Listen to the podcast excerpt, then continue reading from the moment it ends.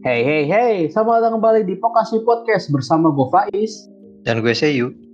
Nah sebelum kita mulai, mungkin teman-teman ada yang belum kenal siapa kita, apa itu Pokasi Podcast, dan topik apa aja yang akan kita bahas, bisa dengerin dulu episode perkenalan dari Pokasi Podcast yang sudah tersedia di Spotify. Oke, jadi untuk episode kali ini kira-kira kita bakal bahas topik apa nih? Jadi untuk episode kali ini kita akan ngebahas tentang seorang karakter dari anime yang lagi hot banget di musim semi 2021 ini. Yaitu adalah karakter bernama Ogiwara Sayu atau mungkin teman-teman lebih kenal dengan panggilan Sayu dari anime Higehiro. Kalau misalnya teman-teman belum pernah nonton animenya, bisa ditonton secara gratis dan legal di channel YouTube Muse Asia dengan subtitle bahasa Inggris atau bisa juga di channel YouTube-nya Muse Indonesia kalau misalnya kalian lebih prefer nonton menggunakan subtitle Indonesia. Tapi sebelumnya mau ngingetin dulu nih, berhubung gue dan Faiz sudah baca sumber asli dari novelnya, takutnya apa yang kita diskusiin di sini bisa jadi spoiler buat kalian. Tapi tenang aja, di sini kita bakal nyoba untuk meminimalisir keluarnya spoiler di pembahasan ini. Iya, bener banget tuh, Say. Apalagi gue adalah tipikal orang yang gak masalah kena spoiler. Dan kalau misalnya gue lagi ngebahas soal anime ataupun manga tuh suka gregetan gitu pengen ngomongin spoilernya. Tapi tenang aja, gue akan berusaha supaya nggak keluar spoiler yang berat pada pembahasan kali ini yang diberi judul Pantaskah kita menghina Sayu dari anime Higehiro? Kalau gitu kita langsung mulai aja ya pembahasannya. Mungkin teman-teman ada yang belum tahu, sebenarnya Higehiro itu anime tentang apa sih, Sei?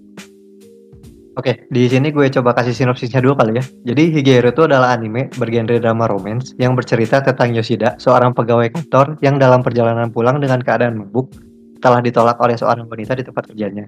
Nah, di tengah perjalanan, ia bertemu dengan seorang gadis SMA bernama Sayu yang sedang duduk di tepi jalan. Nah, Yoshida ini yang dalam kondisi mabuk mengajak Sayu yang tidak punya tujuan dan tempat pulang untuk menginap di tempatnya.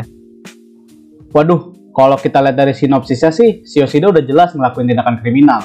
Tapi mungkin wajar dia nggak terlalu sadar ngajak anak SMA nginep ke rumahnya karena kondisinya lagi mabok. Apalagi kan di episode 1 dari anime juga ditunjukin betapa kagetnya Yoshida pas bangun tidur besok paginya karena tiba-tiba ada Sayu di rumahnya. Tapi sebenarnya bukan itu concern kita kenapa akhirnya terpikir buat ngebahas Sayu. Melainkan keresahan gua dan si Sayu pas lihat postingan-postingan yang ngehina Sayu di internet, khususnya di media sosial Instagram. Nah ya nih, masalahnya, ini kan baru episode 1 nih kita belum tahu latar belakang Sayu kayak gimana, latar belakang Yoshida kayak gimana, terus cerita ke depannya bakal gimana. Ditambah kita juga belum tahu kan konflik di dalamnya nanti bakal ada apa aja yang diceritain. Jadi aneh aja nih, ini baru episode 1 nih, masa si yang jadi keresahan kita tuh dia udah muncul di episode 1. Iya, ya walaupun Sayu ini kan emang karakter dua dimensi, tapi menurut kita ngehina dia dengan sebutan lonit, apalagi kita belum benar-benar tahu latar belakang masalah yang dialami itu kayak gimana, alasan dia kenapa sampai merelakan tubuhnya dipermainkan oleh orang lain dalam tanda petik itu kenapa, dan mungkin masih banyak hal lainnya yang belum kita ketahui, menurut gue itu bukan sesuatu yang bijak. Oke lah, mungkin sebagian ada yang cuma ikut-ikutan nyebut Sayu itu lonit sebagai bahan candaan atau meme demi dapat traffic. Tapi kan hal seperti itu bisa ngegiring opini orang lain. Apalagi kalau misalnya followers kita udah banyak ke arah yang negatif, padahal belum tentu semua orang yang melihat postingan itu tuh nonton atau baca Higehiro. Ah, benar nih ditambah yakin gue yang ngatain si Sayu ini mereka pasti ngejadiin Sayu waifu ujung-ujungnya. Plus setelah tahu hinaan ke Sayu ini pasti mereka bakal nyari dojin-dojinnya Sayu. Gak mungkin gak nyari yakin gue mereka pasti nyari. Ditambah kan kita tahu nih Sayu ini dia masih anak SMA anak SMA tahu apa sih? Dia kan belum tahu kehidupan sesungguhnya bakal kayak gimana nanti. Iya apalagi kan kita semua tahu ya kalau kehidupan sosial di Jepang dan di Indonesia itu beda udah gitu yang namanya anime manga light novel dan sebagainya kan ceritanya ditulis sesuai dengan pola pikir masyarakat Jepang gue ngerasa kita sebagai penikmat budaya populer Jepang juga harusnya memahami adanya perbedaan kehidupan sosial dan pola pikir tersebut. Nah, tadi sempat titik sedikit tuh soal perbedaan budaya, tapi mungkin sebelum ke sana, kita mulai dari awal premi dari Higero ini, terutama soal Sayu sampai bisa dihina kayak gitu. Menurut gue kita mulai dari awal semuanya ini dimulai yaitu Sayu yang kabur dari rumah, yang katanya dia kabur dari Hokkaido ke Tokyo. Itu kan yang kita tahu dari episode 1 animenya. Oke, di sini kita coba berkaca dari judul lain. Kabur dari rumah identik dengan adanya masalah di keluarga si karakter. Ya kan, umumnya kayak gitu. Nah, supaya nggak spoiler, barulah kita di sini berasumsi juga Sayu sama dia kabur dari rumah karena ada masalah keluarga. Menurut lu kenapa sih Is?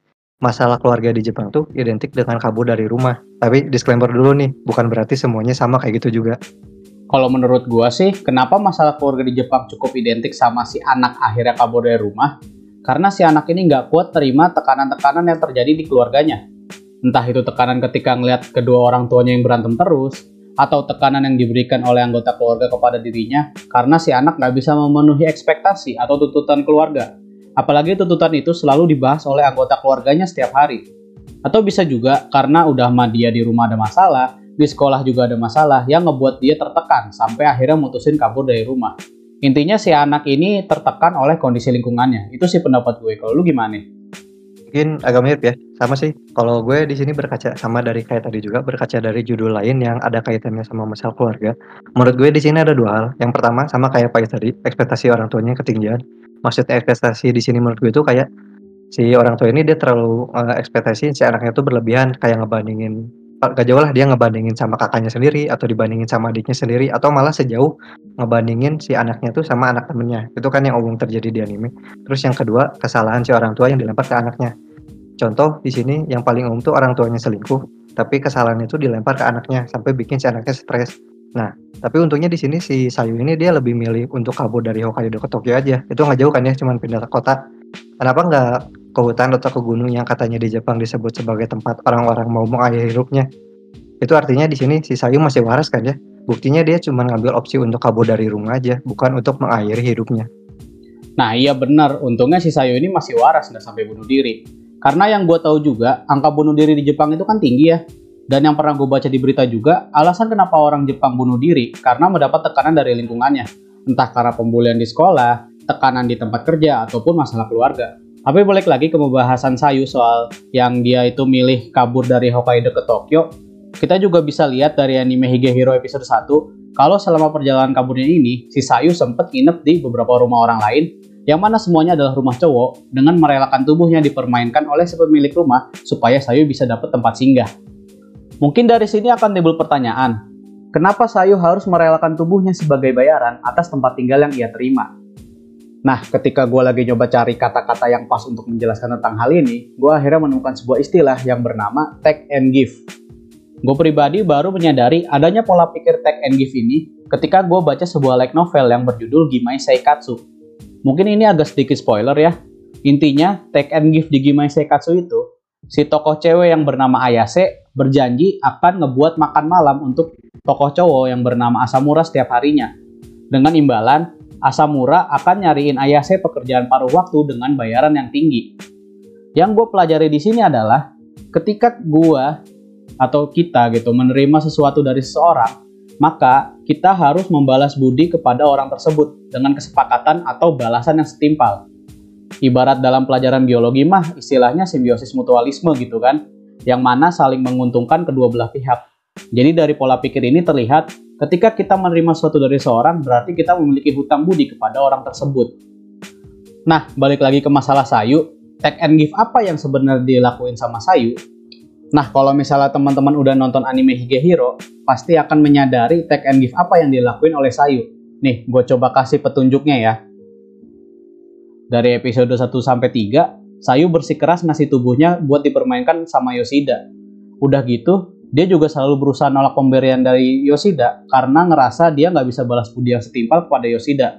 Sekalipun Yoshida udah bilang ke Sayu kalau dia itu cukup ngerjain pekerjaan rumahnya aja dan Yoshida nggak minta apa-apa lagi.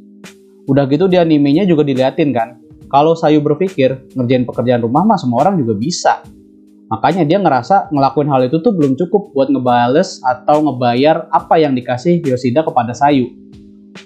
Terus juga kan di animenya ditunjukin kalau sebenarnya Sayu sendiri terpaksa ngerelain tubuhnya dipermainkan oleh orang yang gak dia kenal, padahal dia tuh gak mau ngelakuin hal itu. Tapi apa boleh buat?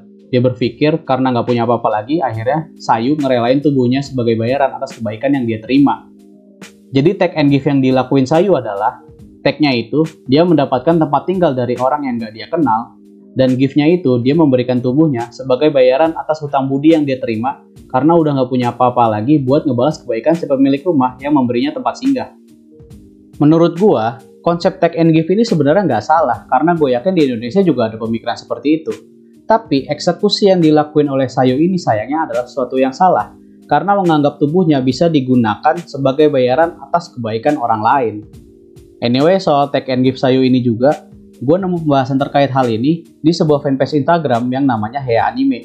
Dan pendapat gue sama dia itu cukup mirip dan gue juga cukup setuju atas apa yang disampaikan oleh fanpage tersebut. Terima kasih kepada Hea Anime yang udah ngebantu gue juga untuk nambahin bahan yang bisa gue bahas soal Tech and Give ini. Kalau gue sendiri jujur malah baru tahu soal adanya pemikiran Tech and Give di Jepang. Dan yang gue tahu tuh apa yang tabu di sini belum tentu tabu di Jepang kan ya. Kayak misalkan di sini yang tabu bikin ribut tuh kalau nggak ngomongin seks yang ngomongin duit beda kepercayaan atau atau bahkan sampai ke soal jodoh. Tapi di luar itu, berarti dari sini kita jadi tahu dong kalau Sayu nggak sepenuhnya salah soal ngasih tubuhnya. Karena dia punya pola pikir yang dijelasin sama Faiz tadi, dan balik lagi ke yang sempat gue bilang di awal, Sayu masih anak SMA yang belum tahu soal kehidupan yang sesungguhnya. Ya berarti ini sesimpel kita nggak tahu aja sama kebiasaan dan kebudayaan dari orang Jepang di sana. Itu artinya. Jadi kayak gini, sebutan Sayulon itu kan muncul dari Indo ya. Berarti ini balik lagi ke yang tadi, sesimpel karena nggak tahu aja. Tapi di luar itu mungkin bisa juga alasan Sayu dipanggil Lon itu karena muncul dari alasan lain yang dijelasin dari ceritanya sendiri. Kan disebut kalau Sayu tuh udah kabur dari rumahnya selama 6 bulan. Nah, disclaimer dulu nih. Gue nemu ini dari salah satu FP yang maaf gue lupa nama FP-nya apa. Jadi intinya gini, balik lagi ke soal yang 6 bulan tadi biar nggak spoiler lagi. Gue bisa bilang nggak gitu, bukan berarti selama 6 bulan Sayu gitu terus juga. Kenapa gue bisa bilang kayak gitu? Ini bisa dilihat dari Sayu yang kita lihat di episode 1. Dia masih normal-normal aja kan? Gak serusak judul sebelah yang gak akan gue sebutin. Balik lagi ke tag and give yang tadi dibahas sama Faiz. Sama bener tuh di episode 3 kita akhirnya udah dikasih tahu kan, udah seenggaknya dikasih sedikit penjelasan lah. Kenapa si Sayu ini maksa-maksa mulu di awal untuk ngasih tubuhnya ke Yoshida. Oh iya, gue jadi keinget satu hal gara-gara si Seiyu barusan nyebut hal yang tabu di sini belum tentu tabu di Jepang dan soal perbedaan budaya. Kalau misalnya teman-teman udah pada nonton anime Higehiro sampai episode 4, di situ kan si Goto bilang kalau dia itu masih segel dan dia cukup malu sama hal itu karena usianya udah terlampau tua, sekitar 28 tahun kalau gue nggak salah. Nah, yang gue lihat di sini soal hal tabu dan perbedaan budaya adalah mungkin karena di Indonesia dari kecil kita udah dikasih pendidikan agama, ya mau agama apa pun, tapi mungkin gue akan nyebut dari sudut pandang Islam karena gue adalah orang Islam seks bebas itu adalah sesuatu yang dilarang. Dan ketika cewek udah nggak segel lagi, hal itu adalah aib bagi dirinya sendiri maupun bagi keluarganya. Sementara di Jepang, justru kebalikannya kalau merujuk dari episode 4 anime Higehiro. Ketika cewek ada yang masih segel sampai usia yang udah cukup tua, itu malah jadi aib bagi dirinya sendiri. Gue bahkan pernah baca suatu berita kalau cewek di Jepang udah nggak segel semenjak mereka SMA bahkan SMP. Yang mana di sini juga kita jadi tahu adanya perbedaan budaya karena di Jepang itu melakukan seks sebelum menikah adalah sesuatu yang lumrah terjadi ketika mereka masih pacaran atau bahkan nggak pacaran sekalipun. Oke, udah cukup kali ya pembahasan soal komentar negatif netizen Indo soal Sayu ini yang dibahas dari sudut pandang budaya menurut opini gue dan Faiz. Tapi anehnya, nggak sampai di situ aja nih komentar negatif dari netizen Indo tuh. Malah sampai ke pengisi suaranya juga ikut kena.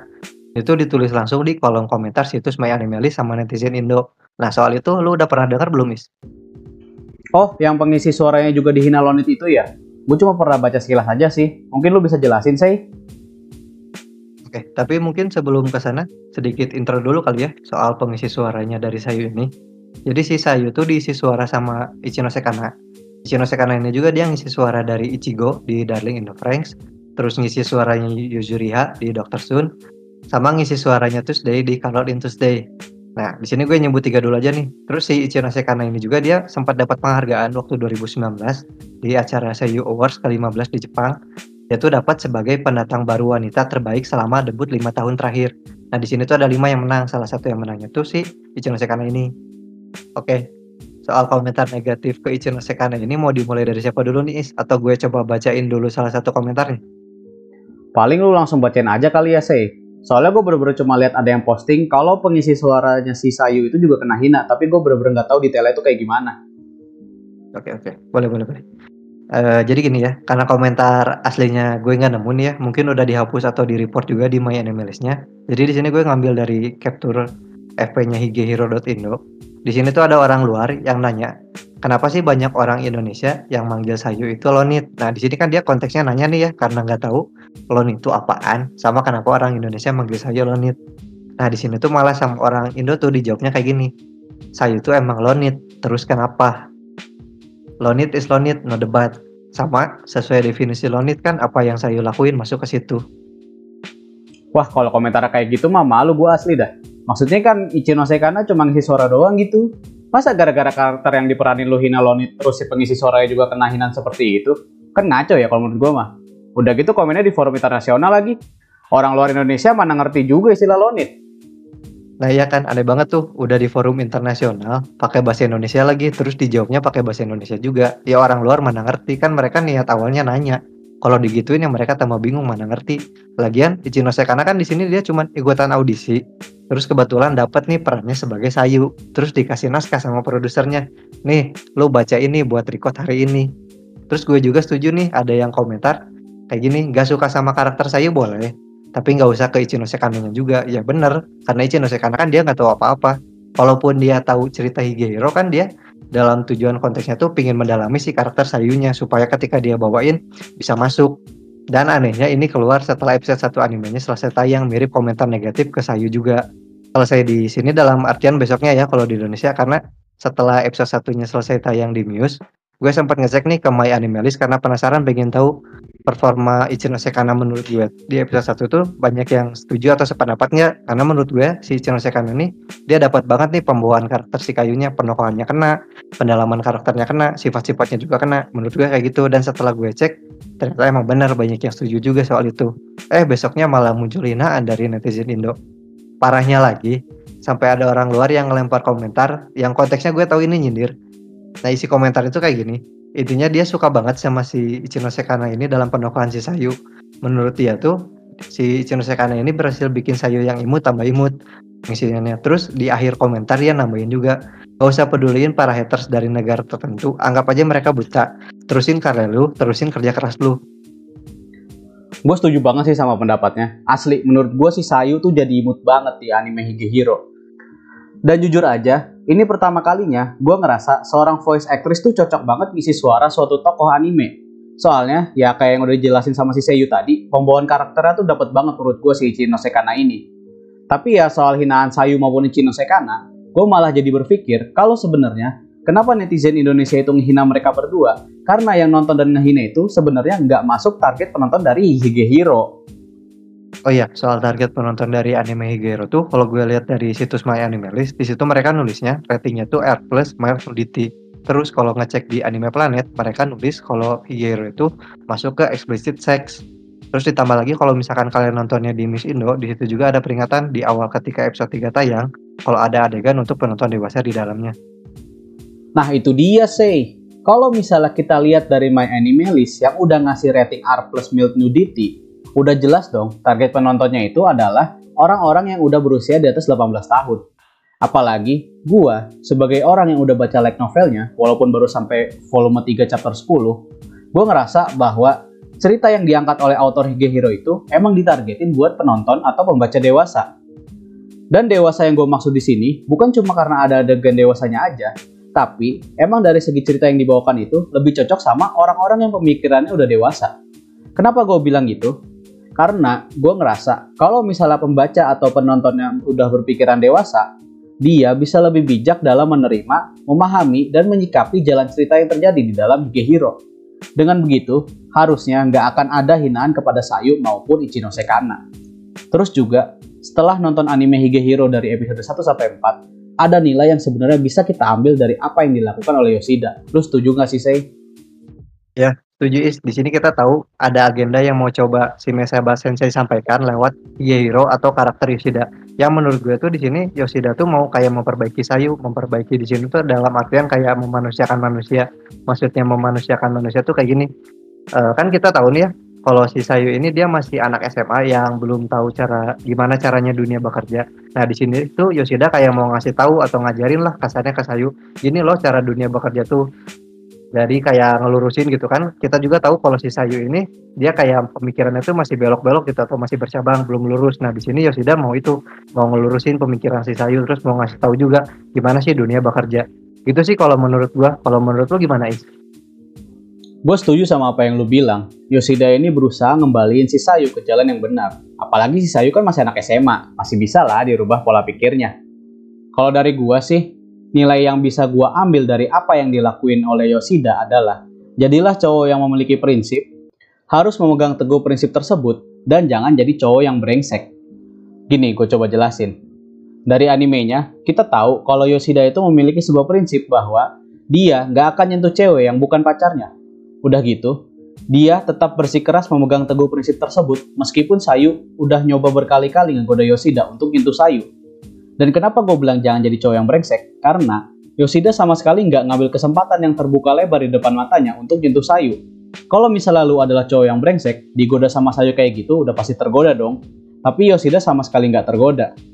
Mungkin itu sih nilai yang bisa gue ambil dari apa yang dilakuin oleh Yoshida kepada Sayu dari anime Higehiro sampai episode 4. Soalnya, kalau gue terusin, bisa-bisa keluar spoiler dari like novel dong, kan repot ya.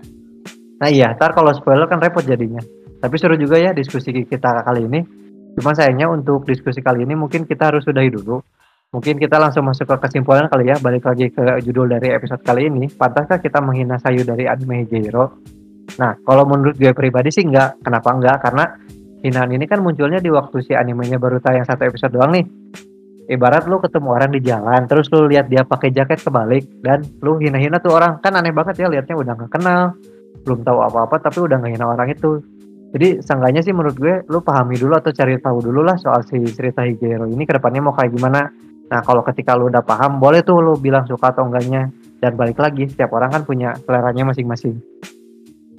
Nah, kalau menurut gua, tentu saja tidak pantas dong, sekalipun Sayu adalah karakter dua dimensi. Kenapa?